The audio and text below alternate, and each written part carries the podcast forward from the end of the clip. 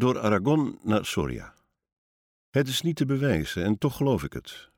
Op sommige plaatsen in de wereld wordt je aankomst of vertrek op geheimzinnige wijze vermeerderd door de emoties van al diegenen die daar eerder zijn vertrokken of aangekomen.